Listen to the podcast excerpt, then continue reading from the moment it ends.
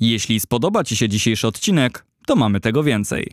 Odwiedź nas na Twitterze, Facebooku i słuchaj na Spotify. Hej! Jara! Gramy na aferę! Subiektywne podsumowanie tygodnia w świecie piłki nożnej.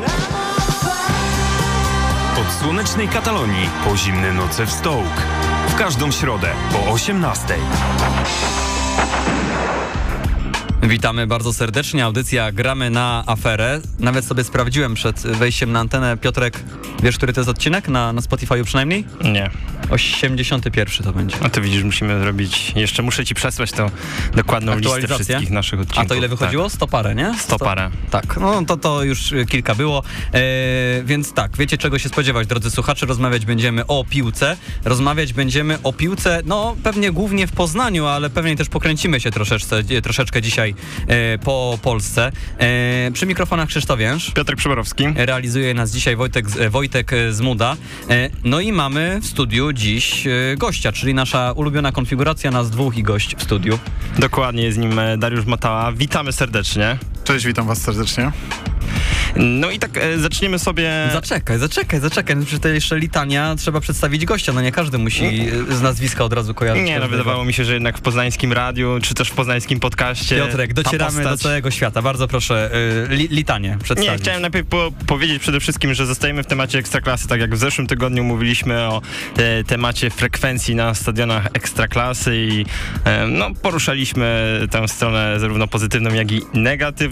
Tak teraz zostajemy również e, w temacie Ekstraklasy, ale już trochę bardziej takiego bliżej naszego e, lokalnego podwórka, choć, choć nie tylko, bo e, nasz gość, nasz gość to osoba, postać doskonale znana w tym poznańskim świecie, ale też chyba myślę mimo wszystko, że ogólnie w polskim świecie e, piłki nożnej. Bo Dariuszu, jak sobie e, spojrzymy na to swoje CV, twoje resume dotychczasowe, no to mieliśmy Kanal Plus. Mieliśmy. E, mieliśmy przez no wiele, wiele sezonów. Sześć. Sześć, Sześć sezonów. Mieliśmy później e, Lecha, e, Lecha Poznań. E, byłeś e, team managerem e, tego e, no, zespołu dość znanego w regionie. Cztery lata tutaj. Cztery lata, Tak tak jest. jest. Później był e, GKS Katowice, GKS Katowice, prawie dwa, tak. Zagłębie Lubin, Rok, e, Odra Opole rok. I co jest teraz? I teraz e, jestem e, i pracuję w projekcie, który, który stworzyłem wspólnie z przyjaciółmi, Guest Sport Academy. I E, tam czyli- też są osoby zakręcone trochę e, na punkcie też Lecha Poznań, wydaje mi się. E, Tam jest dużo osób, które jest związanych, e, czy było związanych z Lechem Poznań, bo otwierał ze mną ten projekt Jerzy Cerak, drugi trener, wówczas Lecha Poznań, później e, mm, wielokrotny współpracownik trenera Ojrzyńskiego na poziomie ekstraklasy. Jest Marcin Korbik, który mm, bodajże chyba z 10 lat był związany z Akademią Lecha Poznań jako trener bramkarzy.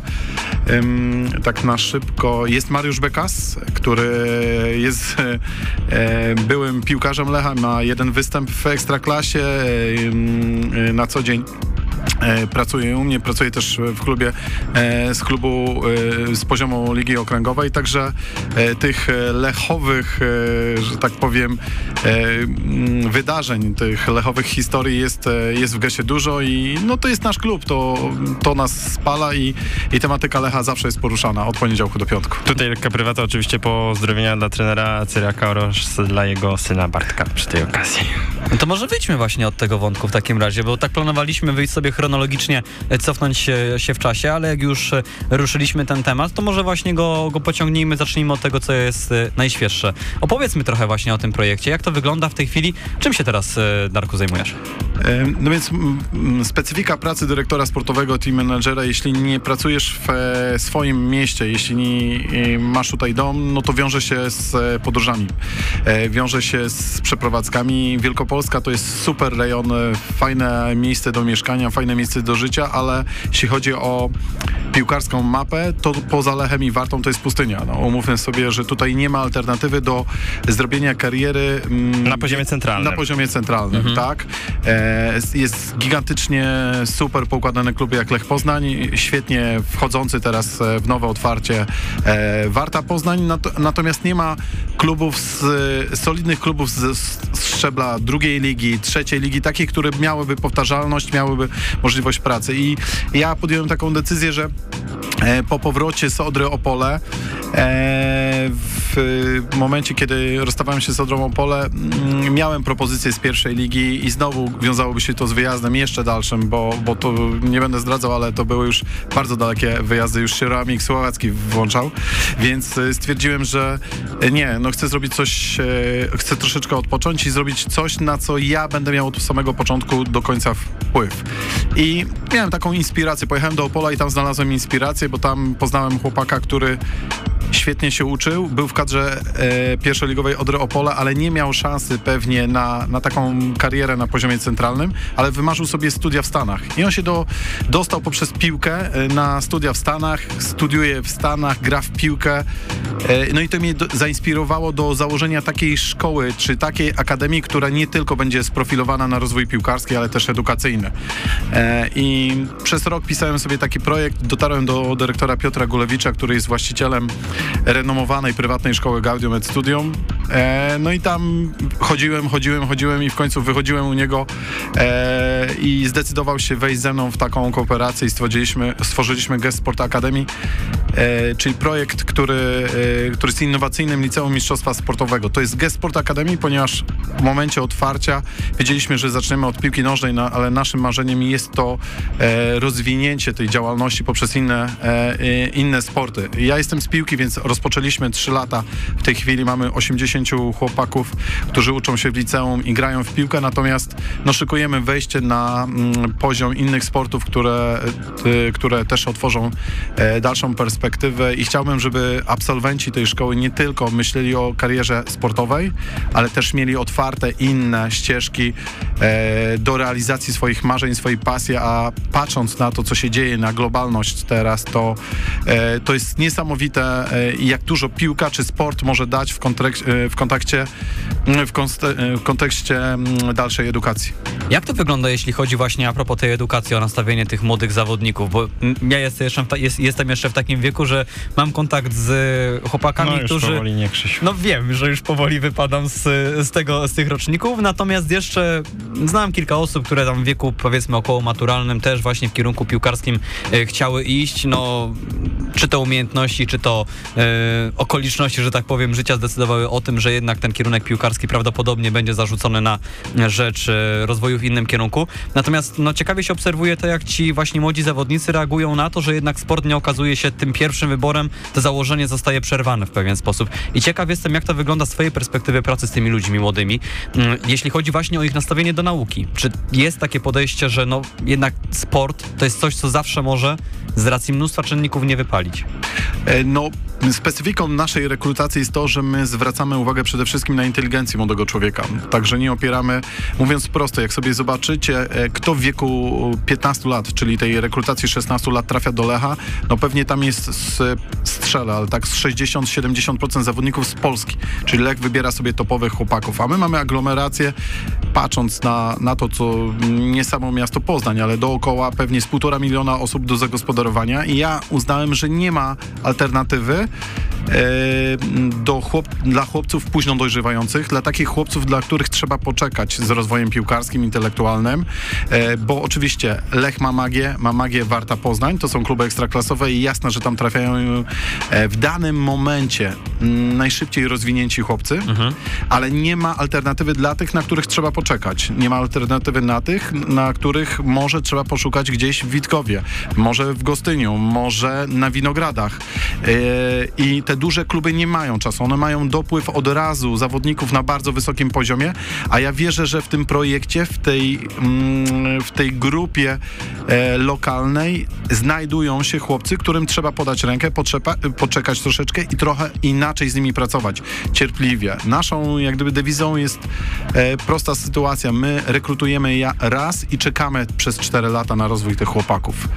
Jesteśmy spokojni w takiej Akademii Lecha czy Warty. Wiadomo, to są, raz jeszcze powtórzę, kluby profesjonalne. Tam, e, że tak powiem, rotacja chłopców od pierwszej klasy liceum do czwartej jest bardzo duża i czasami jest tak, że z 40% zawodników jest wymienianych. Natomiast my mamy taką dewizę, że zabieramy na statek w pierwszej klasie tą, tę grupę i z nimi dopływamy. Oczywiście, jeśli będą wybitne jednostki, a mogę już się takimi pochwalić, to udostępniamy im możliwość gry na wyższym poziomie, w lepszym środowisku, ale dalej są naszymi uczniami, dalej realizują program edukacyjny w naszej szkole i do końca matury, nawet gdyby dzisiaj zdecydowali się wyjechać za granicę, to mają możliwość dzięki, dzięki mm, e, no, super poziomowi tej szkoły e, zrealizować po, program maturalny bez zmiany środowiska edukacyjnego. No to tak bez trochę takiego faworyzowania, ale troszeczkę tego dziennikarskiego mięsa musimy rzucić. E, które te nazwiska już teraz możemy gdzieś obserwować w piłce, jeśli chodzi właśnie o no, absolwentów bądź osoby, które wciąż się uczą? No absolwentów nie, bo No, to jest trzeci rok, tak. trzecia klasa, natomiast mogę się pochwalić, że trzech naszych zawodników gra na poziomie centralnym w seniorach Unii Swarzędz, to są roczniki 2005, więc patrząc znowu na sytuację w Polsce, e, no jest to, e, jest to bardzo dobry wynik, e, jest to wynik, który daje możliwość rozwoju. Erek Marcinkowski, Antek Kuźnik i Kamil Dałek, cała trójka zadebiutowała w Warcie, e, przepraszam, w Unii Swarzędz. E, grają, bo, bo są dobrzy, wywalczyli sobie miejsce i, e, i ten rozwój e, został przez nas przyspieszony. Oni chodzą do szkoły, u nas trenują do południa, trenują po południu w Unii Swarzędz i są zawodnikami cały czas GES-u, który, e, który umożliwia im grę e, w innych zespołach. Ponadto mamy pięciu zawodników w Lechii Kostrzynym, więc my ten projekt opieramy o Wielkopolskę. Też jest ważne, że mieliśmy już w trzeciej, e, po trzech latach e, m, bycia na rynku chłopców, którzy chcieli przyjechać z Kielc, którzy chcieli przyjechać z Łodzi. Natomiast to jest projekt skierowany do Wielkopolski, to jest projekt skierowany pod chłopców, którzy będą w obrębie 50 km. Ja też mam z racji swojego, swojego mm, doświadczenia z młodymi ludźmi, którzy wchodzili do, e, do dużej piłki, ja jednak chcę, żeby oni nie byli oderwani mm, 300 km od domu i spędzali tutaj cały czas. Dla mnie jest ważne, żeby oni, nawet jeśli są w bursie, bo takich 15 chłopców mamy, żeby na weekend spokojnie wracali i rozwijali się równolegle ze swoimi rówieśnikami, czyli z środowiskiem, z, z którego do nas przyjechali.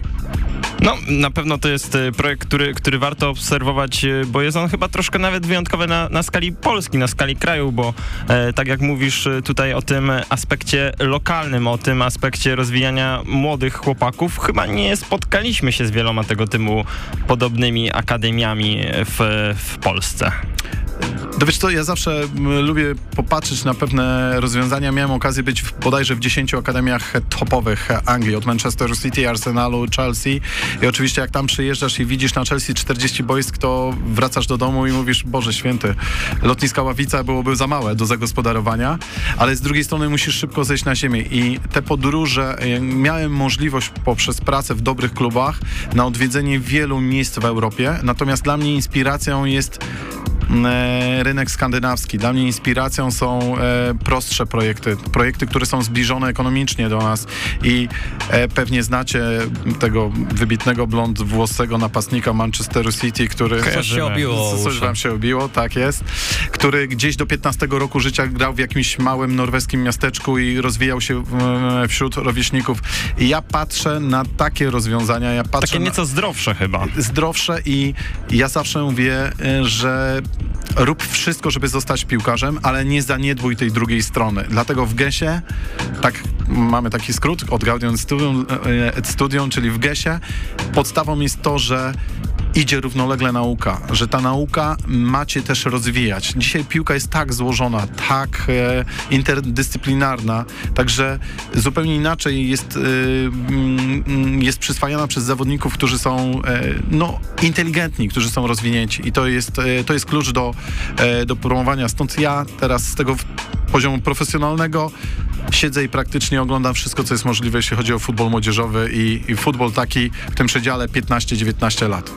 No i wspomnieliśmy o tym e, jednak futbolu też profesjonalnym, e, futbolu seniorów i, i mieliśmy od niego, Krzysiu, zacząć. E, trochę inaczej zaczęliśmy, Standardowo 15 minut ale wydaje mi luźne. się, że to też jest, to też jest ważne, bo przynajmniej temat GS Akademii nie został zepchnięty na, na jakiś margines i, i też odegrał ważną rolę w dzisiejszym odcinku. Mm, Tak jest. Natomiast teraz myślę, że cofniemy się już do tych czasów Lecha Poznań. Myślę, że od tego sobie wyjdziemy z racji naszego geograficznego, geograficznego położenia. Wątek, który mm, no na pewno interesuje naszych słuchaczy. E, mistrzostwo, dwukrotnie wice, wicemistrzostwo e, Polski, zdobyte z pierwszym zespołem e, Lecha Poznań. Wrzucaliśmy przed naszą audycją na nasze media społecznościowe zdjęcie, kiedy byłeś bardzo uśmiechnięty z pewnymi zawodnikami. Mamy też w ogóle kilka pytań od naszych słuchaczy odnośnie właśnie tego okresu w Lechu Poznań. Myślę, że na nie czas przyjdzie za chwilkę, bo, bo też słuchacze byli ciekawi pewnych elementów właśnie twojej pracy w klubie. Natomiast wyjdźmy sobie od ogółu. Czym zajmuje się właśnie taka osoba na stanowisku takim jak ty, pracująca właśnie w takim klubie jak e, Lech Poznań? Czym zajmuje się team manager? O, no to jest, y, powiem, to jest najbardziej zabiegana i za, e, zaabsorbowana osoba. Tak e, de facto, jeśli jesteś w takim klubie jak Lech Poznań, to tych e, rzeczy jest e, od mnóstwa. Od e, koordynacji wszystkich działań z pierwszym trenerem, od tego zaczynasz jak gdyby dzień, czyli planowania tego, co się będzie działo w danym tygodniu, planowania e, z wyprzedzeniem następnego i następnego.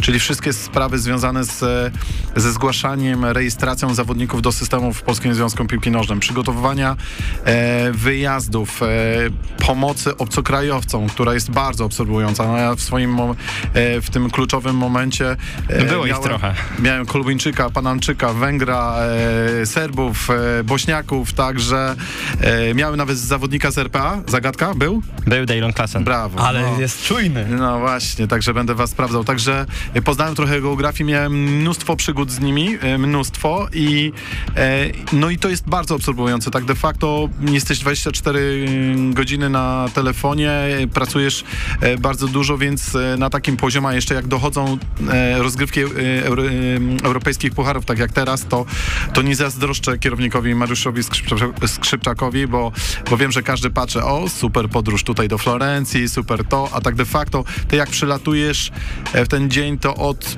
od powiedzmy od lądowania do momentu, nie wiem, do pierwszej w nocy masz mnóstwo rzeczy do zrobienia, stajesz o szóstej, ym, sprawdzasz, czy wszystko jest skoordynowane, później przychodzi mecz, także trzeba być takim aktywnym i, i, no i polubić kawę, bo, bo czasami się zasypia, ale y, to, jest, to jest mnóstwo, więc ta praca jest stricte związana, stricte związana z organizacją pracy trenera, organizacją pracy działu marketingu, współpracy w klubie.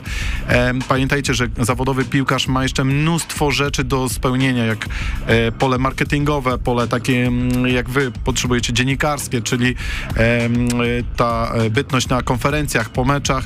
Także dobry team manager musi zorganizować życie nie tylko swoje, przede wszystkim pierwszego trenera, sztabu, zawodników i wtedy może, że tak powiem, położyć się spać, a to jest trzecia w nocy.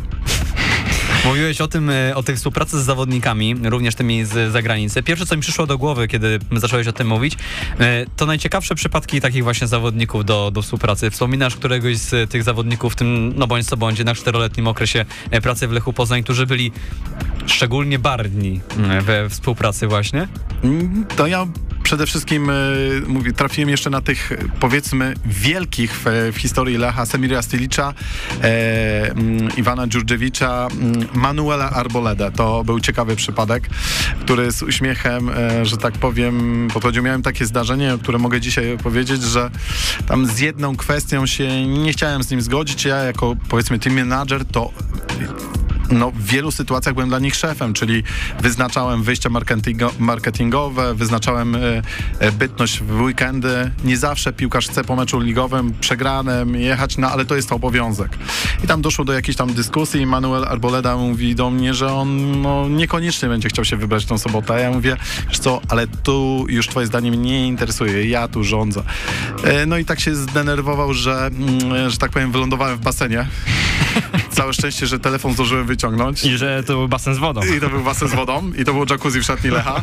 E, e, e, e, próbowałem się z nim siłować, także mm, jak gdyby tutaj w tej sytuacji e, byłem z góry na przegranej pozycji. Oczywiście to było e, żartobliwe. Cieszę się, że nie było social mediów wtedy jeszcze w takim, bo pewnie byłbym bohaterem, ale takich zdarzeń, zdarzeń było. Jeszcze z takiej komicznej jednego zdarzenia było, było, była sytuacja z Zaurem Sedajewem. Mm, e, Koledzy, koledzy z szatni próbowali mu zrobić jakiś numer i wymyślili, że po żółtej kartce chyba on dostał w jakimś meczu pucharowym czerwoną, coś takiego Tak, było, tak, tak. że y, przyszła, że mam go wkręcić, że jest dyskw- dyskwalifikacja i nie zagra w finale. No ja to na poważnie zrobiłem. to w tym momencie trzymał mnie 13 centymetrów nad ziemią i powiedział, jak ty jesteś tym menadżer, tego nie, za, nie załatwisz, to ja cię ubiję. Ja bym za Ursaдаjem tak zrobił. A kto już nie pamięta Zaura Sadajewa, no chłop. To już mi się skończyło, skończyły mi się już wtedy, e, że tak powiem, e, możliwości na żarty, ale nie, no wszystkich wspominam w takiej szatni ekstraklasowej, dobrego zespołu, dzieje się mnóstwo rzeczy, mnóstwo świetnych anegdot i ja mam kontakt z, praktycznie z wszystkimi zawodnikami, z którymi pracowałem. Ostatnio byłem e, w Legnicy, spotkałem się z Jasiem Buriczem, e, z Manuelem Arboledą dosyć często przez komunikatory.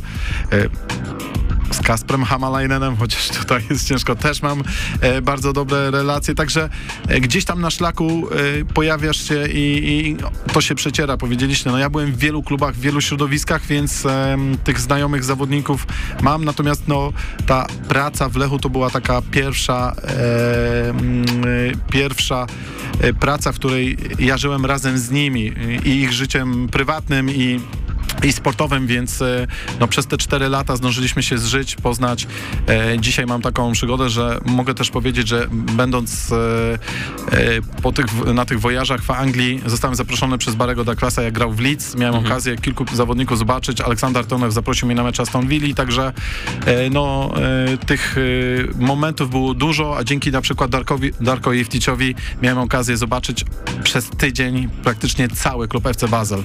Więc te relacje, te, te możliwości, które dawali mi piłkarze obcokrajowcy Lecha Poznań, ja po prostu chciałem wykorzystać. Wspomnieliśmy tutaj o piłkarzach Lecha Poznań. Pewnie jeszcze może do nich na chwilkę wrócimy za moment, ale e, też chcieliśmy cię spytać o trenerów, z którymi współpracowałeś, bo to był jeszcze Jose Mari Baccaro, Tak jest. To był naturalnie jego następca, więc e, Mariusz e, Rumak, no i później e, i później również Maciej e, Skorża, no i przez moment e, chyba Krzysztof Chrobak, czy No, Krzysztof właśnie Chrobak chciałem- też. chciałem Oczywiście, że trener, taką, taką trener właśnie Chrobaka. No jesteśmy przygotowani, O, spokojnie. Gdzieś was złapię, spokojnie. na Nie, to na pewno, w to nie wątpimy. trener Chrobak zresztą chyba tam remisowo zakończył swoją Tak, tak, przygodę. nie przegrał, trzy remisy Tak. z tego co kojarzę. Natomiast tak, zaczynałem, to była też taka sytuacja, w której następowała e, dosyć duża zmiana w Lechu Poznań.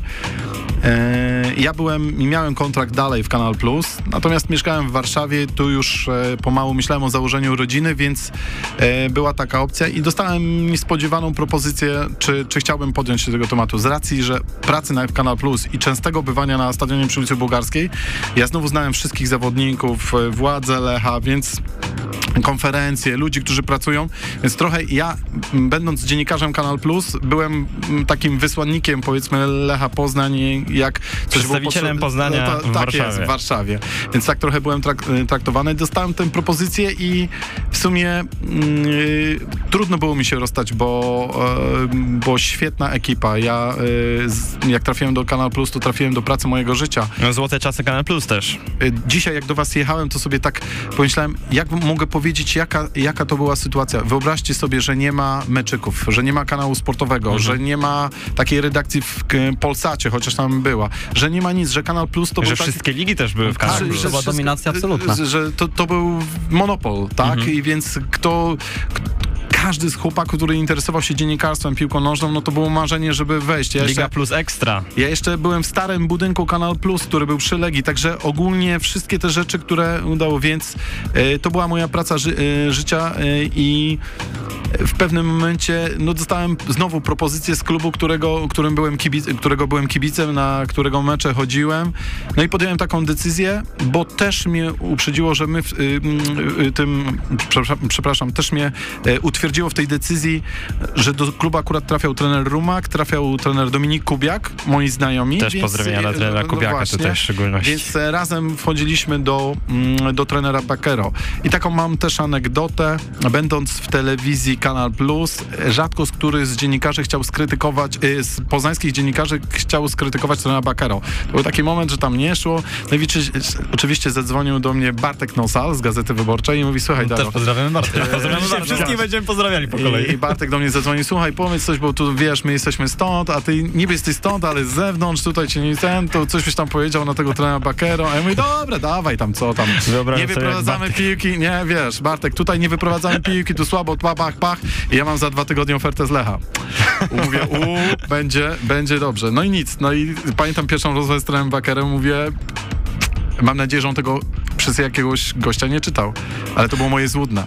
E, Po dwóch tygodniach wyjechaliśmy na zgrupowanie pierwsze do, do, do Niemiec i trener Bakero było, tak jak powiedziałem, nowy sztab, trener Rumak, trener Kubiak, tam dużo, e, dużo nowych osób i pamiętam chyba w pierwszy dzień wieczorem usiedliśmy i trener mówił, że tutaj po piwku musimy e, sobie taką kolację, wyznaczyć pewne standardy i mówię, ale muszę zacząć od tego, że przy tym stole siedzi ktoś, kto mnie krytykował, kto e, zaprzeczał moim możliwościom. I jest taki moment, gdzie wszyscy gł- głowy zwiesili, a ja naprzeciwko trenera Bakera.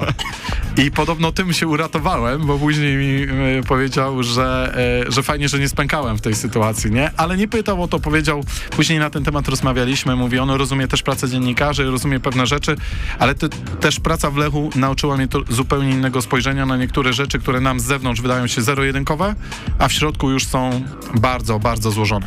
No bo trener Bakero, jeśli chodzi e, o ten czas e, w Lechu, e, no dość e, mocno hiszpańsko e, emocjonalnie ten, ten czas, ten okres można podsumować, bo były tam i też piękne chwile, ale jednak to rozstanie no nie najlepsze e, po tym chyba meczu z Ruchem. Z ruchem, z ruchem, Chorzów. tak, tak. Dwie, dwie pierwsze kolejki na wiosnę i, i dwie przegrane, one zadecydowały, natomiast ja zawsze mam do niego szacunek, e, wspominam go bardzo dobrze i, i uważam, zresztą też taka anegdota, że mam do dzisiaj z nim kontakt, jak byłem w Barcelonie, to, e, to mm, tam doprowadziliśmy do jakiegoś krótkiego spotkania, mam kontakt z jego synem, e, więc e, chciałbym powiedzieć, że podobała mi się klasa, z jaką on przyjął tę decyzję i, i to też mi pokazało, że, że ten futbol w jego w jego wizji, w jego rozumieniu jest troszeczkę inny. On na przykład nie mógł się pogodzić e, z taką podejmowa- em,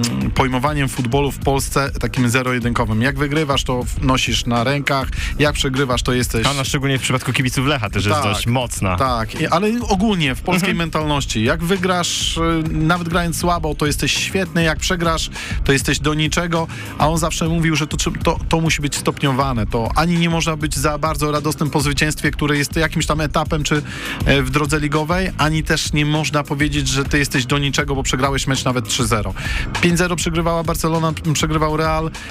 Ja tak de facto uświadomiłem sobie, z kim ja pracowałem dopiero później, jak on odchodził. Jak, oczywiście ja wiedziałem, że to był wielki piłkarz, ale jak sobie zacząłem e, później analizować, ile on meczów zagrał do Barcelony, w ilu był kapitanem, e, jak potoczył się jego ostatni mecz, w którym strzelił gola, schodząc żegnany przez całe Camp Nou, e, no to pukałem się czasami w głowę, jak sobie tak mogę myśleć. Natomiast, e, no mówię, moje relacje z nim były od początku do końca super i ja go bardzo szanuję i e, no i życie, nie? No tak jest. No, lepiej opowiadać o tym, że pracowałeś z trenerem Bakero niż Dobra, z jakimś tam trenerem, no. Dobra. Nie polecimy nazwiskiem. E, Piotrek, chcesz kontynuować wątek trenerów, czy... Nie, nie, nie. Ja tylko jeszcze Ale nawiasem mogę mówiąc... dodać do tego... To, Yy, Chociaż w sumie nie, możemy. Myślałem, że czy chcemy kontynuować tre- wątek trenera Bakara. Jak tutaj jeszcze tylko chciałem e, rzucić taką informację, którą ostatnio usłyszałem, że chyba nie jestem pewny, czy jak odchodził trener Bakaro, zorganizował taką kolację dla dziennikarzy również, żeby się z nimi pożegnać, czy...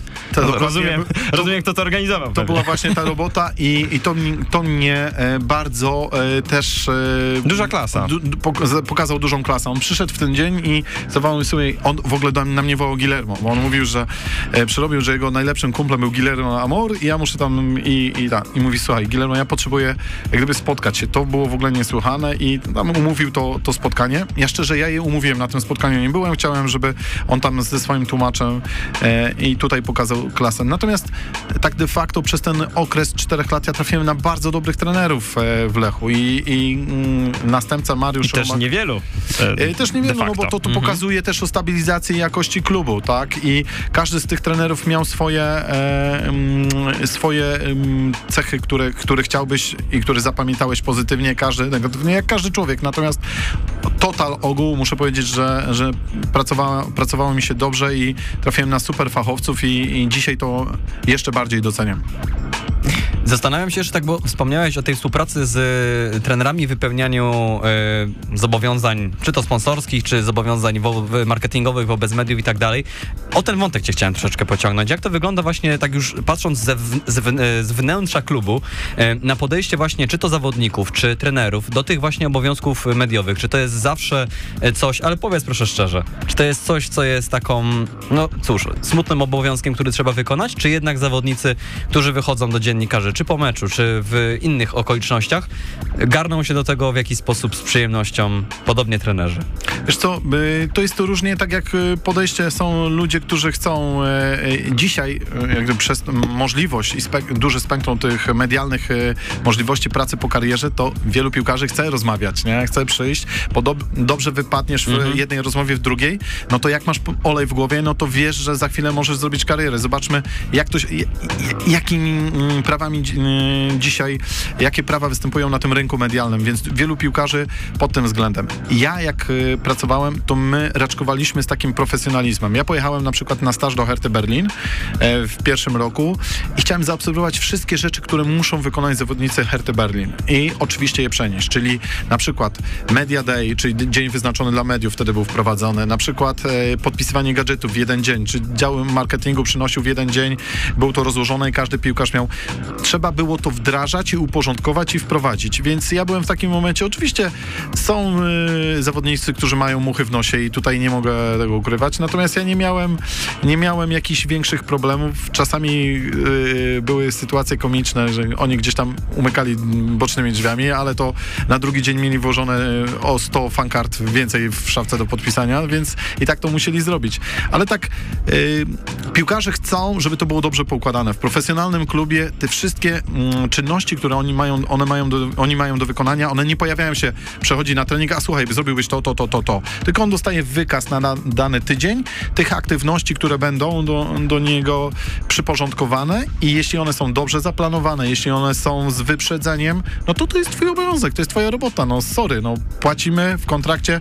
Ja zawsze jak pokazywałem kontrakt, a miałem wgląd we wszystkie kontrakty, to pokazywałem tą, tą, tą y, że tak powiem, regułkę, te podpunkt tam powiedzmy od 20 do 27 prawa medialne, to co musisz wykonać dla rzecz klubu. I to nie jest tylko to, że ty jesteś piłkarzem, tylko ty jesteś reprezentantem największego klubu w Wielkopolsce i ty masz pewne zobowiązania, które są dotyczące działań CSR, y, musisz iść do domu dziecka, do, do przedszkola, jak gdyby to jest jasne, promujesz, ten, musisz Pamiętajcie, że jest wielu sponsorów, którzy życzą sobie, żeby taki piłkarz pojawił się na meczu, po meczu, przepraszam, w loży, bo, bo to jest dla niego ważny dzień, więc to Otwarcie jest... sklepów. No, to jest y, na bieżąco. Jeśli to jest uporządkowane, to piłkarze z tym dzisiaj nie mają problemu. Gorzej jak to się dzieje w chaosie, w jakiejś sytuacji, bo ktoś dzwoni, bo tutaj ciocia ma urodziny i on by chciał nagrać i no ja to wtedy też się nie dziwię, że taki piłkarz nie zawsze ma ochotę mówić do cioci, której nie zna, e, bo on ma w tym momencie umówione spotkanie. Jeśli to jest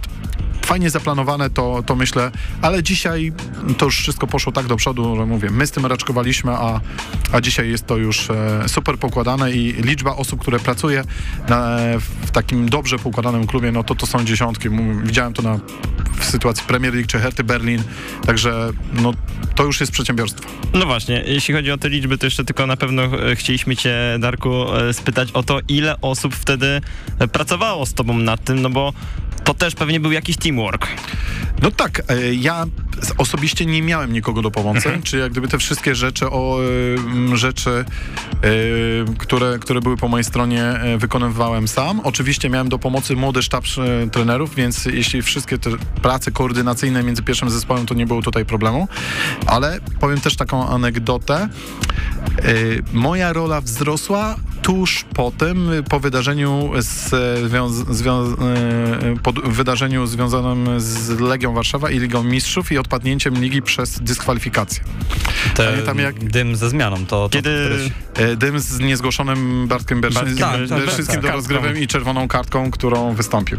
Pamiętam, e, pamiętam jak dziś tę sytuację, że byłem wezwany od razu do, mm, na górę i, i pytanie było, a kto u nas zgłasza, kto u nas to kontroluje? Prezes Klipczak do mnie mówi, no ja! To w związku z tym będzie jakaś podwyżka? Nie, nie, nie, nie, tylko chciałem się upewnić, że wiesz co ci grozi, jak ty byś to zrobił, nie? To było w drugą stronę, ale e, pamiętam to jak dziś i wtedy też e, taka wyobraźnia, jakie są sytuacje, jaka jest odpowiedzialność za, za te rzeczy, e, no trochę zmieniła postrzeganie tej pracy, dlatego ja nigdy nie mówiłem, że jesteś kiero, tylko zawsze team manager. Czyli po europejsku. Dobrze, Krzysztofie. Ja patrzę na Krótka ten zegarek. przerwa? Tak, tak. No nie, no musimy, bo nas zjedzą e, władze szanowne naszego radia, dlatego Też zrobimy zostaniemy wezwani na górę i Sobie, tak, na dywanik będziemy wezwani, więc y, zrobimy krótką przerwę, chociaż mi żal, ale musimy to zrobić i wracamy za kilka chwil, więc bądźcie z nami, drodzy słuchacze, tutaj cały czas audycja Gramy na aferę. Radio Afera.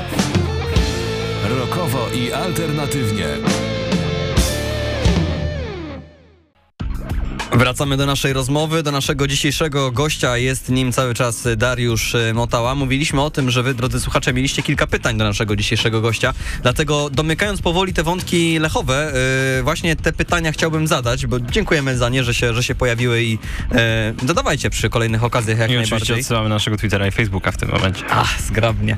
E, pytanie od, e, pytanie zadane, zadane przez naszego e, słuchacza, Krzysztof Szlec pyta, mm, gdzie szkolenie młodych zawodników twoim zdaniem jest na wyższym e, poziomie? W Akademii Lecha Poznań czy w Akademii Zagłębia Lubin? Bo będziemy przechodzili również do tego klubu za kil- kilka chwil. Co, jeśli chodzi o samo szkolenie, myślę, że ono już jest w tym momencie porównywalne w jednym i drugim miejscu. Natomiast nie samo szkolenie decyduje o efektywności, tylko ten, to transition, ten moment wprowadzenia tego zawodnika do pierwszego zespołu. I bez wątpienia Lech ma to w tej chwili najlepsze w Polsce i na Lechu po prostu wzorują się inne. Jeśli chodzi o sam poziom kształcenia, o warunki do treningów, o poziom trenerów, ja uważam, że i w Zagłębiu, i w Lechu jest porównywalny poziom. I mm, powiem tak, że rywalizacja e, skautów Lecha i Zagłębia jest na tym samym poziomie. Dzisiaj em, warto też przyjść do Zagłębia, bo, bo Zagłębie być może nawet be, e, w pewnym momencie może będzie miało prostszą drogę do tego transition, do, do debiutu e, w Ekstraklasie. Zobaczmy, jak te akademie są porównywalne na takim poziomie rezerwy w drugiej lidze i tu w drugiej lidze. E, Zespoły w centralnych ligach juniorów, e, gra w ekstraklasie. Natomiast no Lech ma zdecydowanie największą najlepiej to robił i zebrał największe owoce, więc jeśli piłkarz ma do wyboru, młody piłkarz, młody adept, młody kandydat, jak ja to mówię, na kandydata, na piłkarza, ma do wyboru Akademię Lecha, to, to jest, stoi przed trudnym wyborem i dzisiaj do tego grona dołożyłbym Pogoń Szczecin, bo, bo to jest klub, który no, zrobił gigantyczną robotę, Ma fajną bazę teraz też. ale też już ma efekty, już ma zawodników e, Kozłowski m, e, w Parmie napastnik Benedyczak. Benedyczak. Także ma już zawodników Piotrowski, który był w drugiej Bundeslidze, wyjechał do, e, do Belgii wcześniej, teraz gra w e, e, Rozegradzie, więc zobaczmy jak te kluby e, poszły po, że tak powiem, po fali Lecha. Natomiast no jak ja bym miał wybierać, jesteś z Wielkopolski, to wybieraj Lecha, no to jest proste, e, patrzę. Natomiast nie wiem, co kieruje później, jakie detale, jeśli chłopak jest z Podkarpacia i ma na stole dwie oferty, a e, skauci i Lecha, i Zagłębia, no działają na takim polu, że mogę was przy- m, zapewnić, że jeśli jest utalentowany 14-latek, to jest on i w notatniku skautów Zagłębia, i w notatniku skautów Lecha Poznań. Okej. E, Pociągniemy jeszcze wątek na pewno Zagłębia, znaczy na pewno to nie powiem, bo e, zostało nam e, mniej więcej 10 minut naszej audycji. Natomiast drugie pytanie od naszego słuchacza, Damian Sękowski o to pyta. E, jeszcze właśnie w tematyce Lecha Poznań. Kogo z mistrzowskiego sezonu 2015 ściągnąłbyś do Lecha? Domyślam się, że to pytanie jest w tej chwili, e, patrząc na to, jak właśnie w tej chwili wygląda kadra Lecha Poznań. Specjalnie rozwijam tak to pytanie, żebyś miał czas się zastanowić. Odpalaj. Wiesz co, no ja mam sentyment do tych zawodników, z którymi grałem i e, pierwsza myśl, ale przeczuwałem, że może takie pytanie paść. Pierwsza myśl to ostatnio, właśnie wczoraj pisałem z Marcinem Kamińskim, obrońcą Szalkę i myślę, że mm, to nie byłby e, zły ruch po tym, jak zrobił to e, co pokazuje Bartek Salomon, ale drugim zawodnikiem, ja go uwielbiałem, jeśli chodzi o sposób gry, to jest Darko Jewtic i, e, mm, i akurat trafiłem na dwie mm, kapitalne, e, kapitalnych zawodników e, lewonożnych i Semira Stylicza i i Darko Jewticza i, e, i uważam, że e, no to byli zawodnicy, którzy porywali tłumy, po- porywali stadion przy bułgarskiej, grali świetnie i lubiłem tych technicznych e, zawodników. Nie wiem, co robi Zaur Sadajew dzisiaj, ale No to właśnie, też jak jest taki... mówiłeś o Zaurze Sadajewie, to miałem to zgooglować. Zaur ja to Sadajew to jest taki piłkarz dość mocno niedoceniany być może e, przez niektórych, ale jednak to był zawodnik, który mimo może braku tych wielkich liczb, jeśli chodzi o te gole, on na nasze warunki ekstraklasy był chyba idealnym piłkarzem, taki, który się umie zastawić, który... Słuchajcie, to był taki, mm, Taki taran. nie- niespodziewany, y, kluczowy zawodnik e, w tym sezonie mistrzowskim. Mistrzowskim. I ja mam tyle. Gdyby nie on,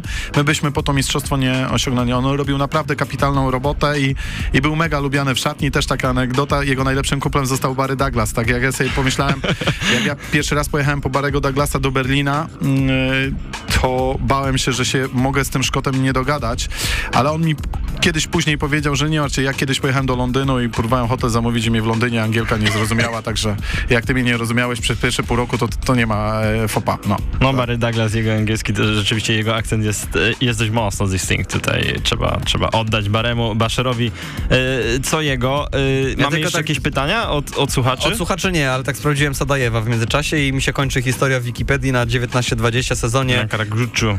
Dziękuję, że to przeczytałeś, bo zawsze mam problem z tą nazwą. Tak, no, na Karaguczu. Dość mocno polski, turecki klub, ale e, jeśli e, chodzi o, o pytania od słuchaczy, to koniec, Krzysiu. Tak. No dobrze, to chyba jeszcze przejdziemy, jeśli mamy te kilka minut, a mamy na szczęście, e, no to przejdziemy do, do tego, co było po Lechu. Skąd w ogóle decyzja o, o, o twoim odejściu z Lecha i to po takim e, sezonie, po mistrzowskim sezonie 2014-2015? Ja tę decyzję podej- podejmowałem w lutym, więc ona nie była podyktowana tym, Do że... mistrzostwa było trochę daleko wtedy jeszcze. Do mistrzostwa, w, szczerze, w ogóle sobie nie wyobrażałem, że my jesteśmy w stanie do tego mistrzostwa dojechać. Natomiast później złapaliśmy dobry rytm. E, no ja, mm, moją inspiracją do odejścia była podróż do Bazylei. E, Ja mm, po prostu wymarzyłem sobie następny etap, 6 lat w Kanal Plus, 4 lata jako team manager i chciałem popra- popracować znowu w innej strukturze. Chciałem zostać dyrektorem sportowym, no, zacząłem się mocno tym, mm, e, tym interesować i powiem szczerze, podjąłem, e, podjąłem decyzję e, w lutym. My zdobyliśmy to mistrzostwo, no i wierzcie mi, to był najtrudniejszy moment.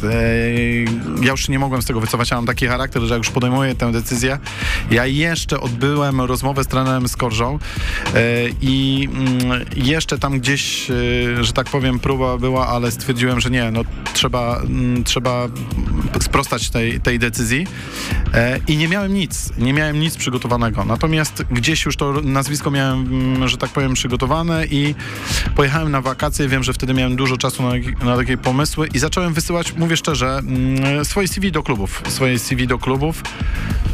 E, I dostałem odpowiedź z jednego klubu i nawet tej odpowiedzi nie zauważyłem. Uwierzcie mi, że byłem na wakacjach, że on... Nie, ona nie, ona była w mailu na tydzień, ale po tygodniu zadzwonił prezes tego klubu, ej, co jest z tobą? Ja do ciebie piszę, a, ja, a ja, wiesz, taki skonster- skonsternowany mówię, no ale przepraszam, to, bo ja na wakacjach, co, na wakacjach maila nie odbierasz? No i okazało się, że e, GKS Katowice, uwaga, następna osoba, która nas złączy, prezes Michał, ja, Michał Janicki. Marcin. Marcin, Marcin Janicki, e, czyli Poznania, który był wiceprezesem wtedy. E, zaprosili mnie na rozmowę i pamiętam, że na Malcie e, e, dyskutowaliśmy. No i kluczem było do tego, że słuchaj, ale musicie zaakceptować pierwszy trener. E, jak gdyby w sytuacji, bo my budujemy nową strategię, ale już z trenerem się wcześniej dogadaliśmy, jeśli trener. No a okazało się, że trenerem został Jerzy Brzęczek, z którym pracowałem w Kanal Plus. Więc jak on się dowiedział o mojej kandydaturze, ja, no to była szybka decyzja. E, no i, i trafiłem do Gieksy i była znowu inna, inna specyfika pracy, czyli transfery, organizowanie e, życia, po prostu kadry pod zupełnie innym kątem, czyli bardziej pozyskiwania zawodników, budowania zespołu.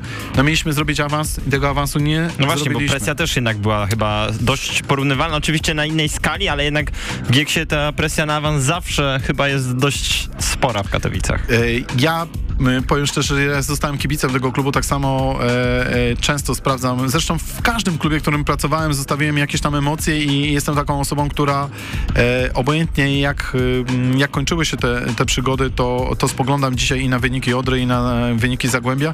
Natomiast Gieksa dała mi pierwszą szansę i, i czekam na, mm, na ich powrót do Ekstraklasy. E, I rzeczywiście presja w Katowicach jest ogromna. Nieporównywalna oczywiście z Lechem i jak gdyby otoczką, stadionem i możliwościami, ale, Ja polubiłem bardzo Śląsk, e, polubiłem po prostu klimat i polubiłem to, że wsiadam w samochód, jadę e, chwilę, jestem w Zabrzu. Oczywiście nie mogłem się zatrzymywać e, w Chorzowie, bo e, jak jesteś z Katowic, to się nie możesz w Chorzowie za, zatrzymać, bo mógłbyś wrócić cabrio. E, Też miałem taką jedną przygodę, jak kibice ruchu mnie tam e, gdzieś tam zobaczyli na stacji, musiałem szybko tankować i opuścić ten obiekt, ale tak to już jest. E, Masz Gliwicę, masz Bielsko-Białą, e, także e, no poznałem... Sporo piłki. Sporo piłki, poznałem też inne spojrzenie, tam jest zupełnie inne spojrzenie, niby ta sama dyscyplina, ale podoba mi się ich charakter, podoba mi się ich sposób e, i, i tam dopiero zobaczyłem, jak wielkim klubem jest Górnik Zabrze. To mogę powiedzieć szczerze, bo, bo nie doceniałem tego klubu i jaką presją. I jakbym miał porównać e, to, co jest na, trynu- na trybunach przy Roosevelta, no to, to, to jest też mm, To się widzi, jak się nawet wjeżdża do Zabrza. Tam po prostu na tych budynkach są herby, jest herb górnika i, i widać, że ta torsida ich, ich mocno tam trzyma. Tak, a że Gieksa ma sztamę z e, Górnikiem, więc e, to jak gdyby dwa zaprzyjaźnione najbardziej mar- bardziej kluby, więc e, m, często bywałem w Zabrzu. Później było Zagłębie Lubin, tak? Yy, Po Tak. GKS-ie Po Katowice. GKS-ie było Zagłębie Lubin, bo gdzieś ktoś ocenił wysoko moją pracę, chociaż my przegraliśmy awans e, na trzy kolejki przed końcem i dostałem propozycję i, i biłem się z myślami, e, no ale jednak Ekstraklasa, prezes bardzo, bardzo zabiegał o to, żebym przyszedł Bliżej do Poznania bliżej trochę? do Poznania, no to już było e, i zupełnie inny klub, zupełnie inna specyfika, mm, e, to już trochę inne odczucie w kontekście takiej rywalizacji, e, tam nigdy nie ma pełnego stadionu, inne, ale Mecze w piątki, mecze w piątki. giełda. Giełdy już nie było, e, że, może była jeszcze rzeczywiście, ale, em, ale Akademia, in, inna, inna, że tak powiem, praca, wdrażanie tych, tych nowych pomysłów. No i przede wszystkim tam miałem super prezesa Roberta Sadowskiego, który mi zaufał, który e, wymyślił sobie mnie, obserwując mnie podczas pracy w pierwszej lidze i, i no ta praca i w pewnym momencie mm, przyszło, tu nie, nie ukrywam, doszło do zmiany na samej górze w KGHM-ie, doszło do zmiany w e, zarządzie klubu i razem z prezesem e, dostaliśmy, mm, że tak powiem, wypowiedzenie. Natomiast nie mogę niczego złego powiedzieć. Do dzi- dzisiaj na przykład z moją akademią często jeżdżę do Zagłębia, mam tam znajomych, mam trenerów, z którymi pracowałem i, i też lubię to miejsce. Mhm, a zupełnie inne realia, jak teraz tak mówisz o tych właśnie warunkach, które zakończyły współpracę, troszeczkę oczy się otwierają. Natomiast mieliśmy Zagłębie tak trochę gnamy, zdajemy sobie z tego sprawę, no ale czas nas y, goni. Na koniec y, Odra Opole. Właśnie ta, ta ostatnia przygoda, przynajmniej w tym zakresie właśnie y, menedżerskim. No, Odra Opole to już bardziej trafiłem i jak gdyby przede wszystkim trafiłem tam dzięki trenerowi Rumakowi. Ym, y, trener Rumak był wcześniej, e, był tam pół roku. Ja już miałem trochę inne plany, może trochę chciałem się zająć scoutingiem, być może w, a- e, w, akademii, e, popracować troszeczkę. Nawet podpatrywałem trochę agencję menedżerską. W tym czasie miałem ofertę z Warty Poznań. Byłem na rozmowach w Warcie Poznań, ale znowu ja jak już podejmuję i komuś coś obiecuję, e, to nie chcę zmieniać. Jak gdyby ta, e, ta rozmowa była ciekawa, była w momencie, kiedy e, prezes, fa, e, właściwie Fari, Far, Fariaszewski. Fariaszewski przejmował Wartę i z nim byłem na tej rozmowie, jak gdyby to e, i ja dostałem tę, tę pracę, i gdyby dostałem zaproszenie do, do współpracy, natomiast no powiem szczerze, pracujesz w Lechu, Katowicach, Zagłębiu i wtedy to nie była ta warta, e, ten moment starego budynku, mm, biura, jak gdyby, mm, mimo że byłem z Poznania, jakoś nie mogłem wczuć się po prostu w wejście tego klubu. Trochę inny moment Warty Poznań jeszcze. Dokładnie. Dzisiaj to jest, e, to jest zupełnie inna, inny przykład, więc e, e, pojechałem później do Opola. Trener, e, trener mnie tam za, że tak powiem, z, e, przedstawił. Trochę powrót na Śląsk, choć No, wiem, że... znowu zupełnie inna specyfika, zupełnie niecodzienne miejsce, małe województwo, zamknięte, hermetyczne, mijane autostradą i, i znowu inny klub, znowu go poznałem z innej strony, więc e, no też fajne miejsce, ale no nie ma co ukrywać, nie zrobiliśmy tam wyniku. E, e, władze, właściciele klubu podjęli decyzję, że, że żegnają się z nami. No i taki jest los dyrektora sportowego. Jesteś tak samo dobry jak ten piłkarz, że inaczej, jak trener, bo piłkarz to jeszcze ma kontrakt. E, nie ma wyników, musisz się pakować i, i wracasz, tylko żeby mieć do czego wracać. Nie? Teraz jest GS Akademii, ale chcieliśmy cię jeszcze chyba, Darku, tak powoli kończyć naszą dzisiejszą rozmowę, ale mamy jeszcze te 120 sekund. No tak, 120 mamy. Chcielibyśmy cię na pewno spytać, czy gdyby teraz pojawiła się propozycja na przykład z y, klubu ekstraklasowego, to rozważyłbyś ją? E, Ciekawe pytanie. E, Dzisiaj jestem troszeczkę w innym miejscu, ale zawsze ciągnie mm, wilka do lasu i jeśli, e, powiem tak, gdyby zgłosił się do mnie mój ukochany klub, nawet w małej roli, to pewnie chciałbym wrócić. Tak? Niekoniecznie jako dyrektor sportowy. Myślę, że pewne rzeczy już przerobiłem i, i możliwości, ale jakbym dostał jakąś propozycję, nie myślę o dyrektorze sportowym, gdybym miał popracować w klubie zawodowym, profesjonalnym, to, e, to chciałbym się, e, że tak powiem, podzielić tą wiedzą, którą zdobyłem i byłbym otwarty, natomiast nie chciałbym z Poznania za daleko wyjeżdżać. No to jest, e, że tak powiem, moje miasto, tu się urodziłem i, i chciałbym zostać tu, także albo mam wybór niebieski, albo zielony.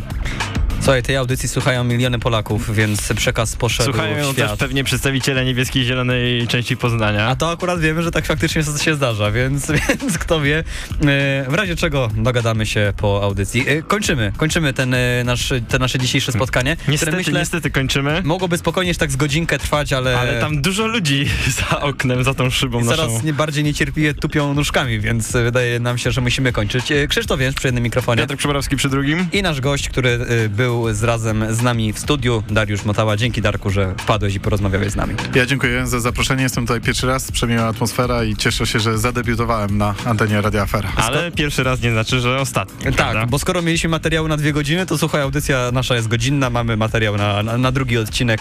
E, dajcie znać, czy właśnie, czy wam się ta audycja podobała tak samo jak nam, bo czasami mam takie wrażenie, że ja się bardzo dobrze bawię, ciekaw jestem, czy, czy wy również, więc e, czekamy na, na, wasz, na wasz feedback po prostu. Jesteśmy w social mediach, Twitter, Facebook, a możecie nas słuchać, jeśli trafiliście na nas w trakcie, jadąc samochodem, czy to na Spotify, czy na Apple Podcast. Jutro o 7.30 ta audycja będzie dostępna. Dziękujemy za I Wojtek dzisiejszą do nas zrealizował. Dzięki, tak na sam koniec. Do usłyszenia. Do usłyszenia. Hej! Jara! Gramy na aferę!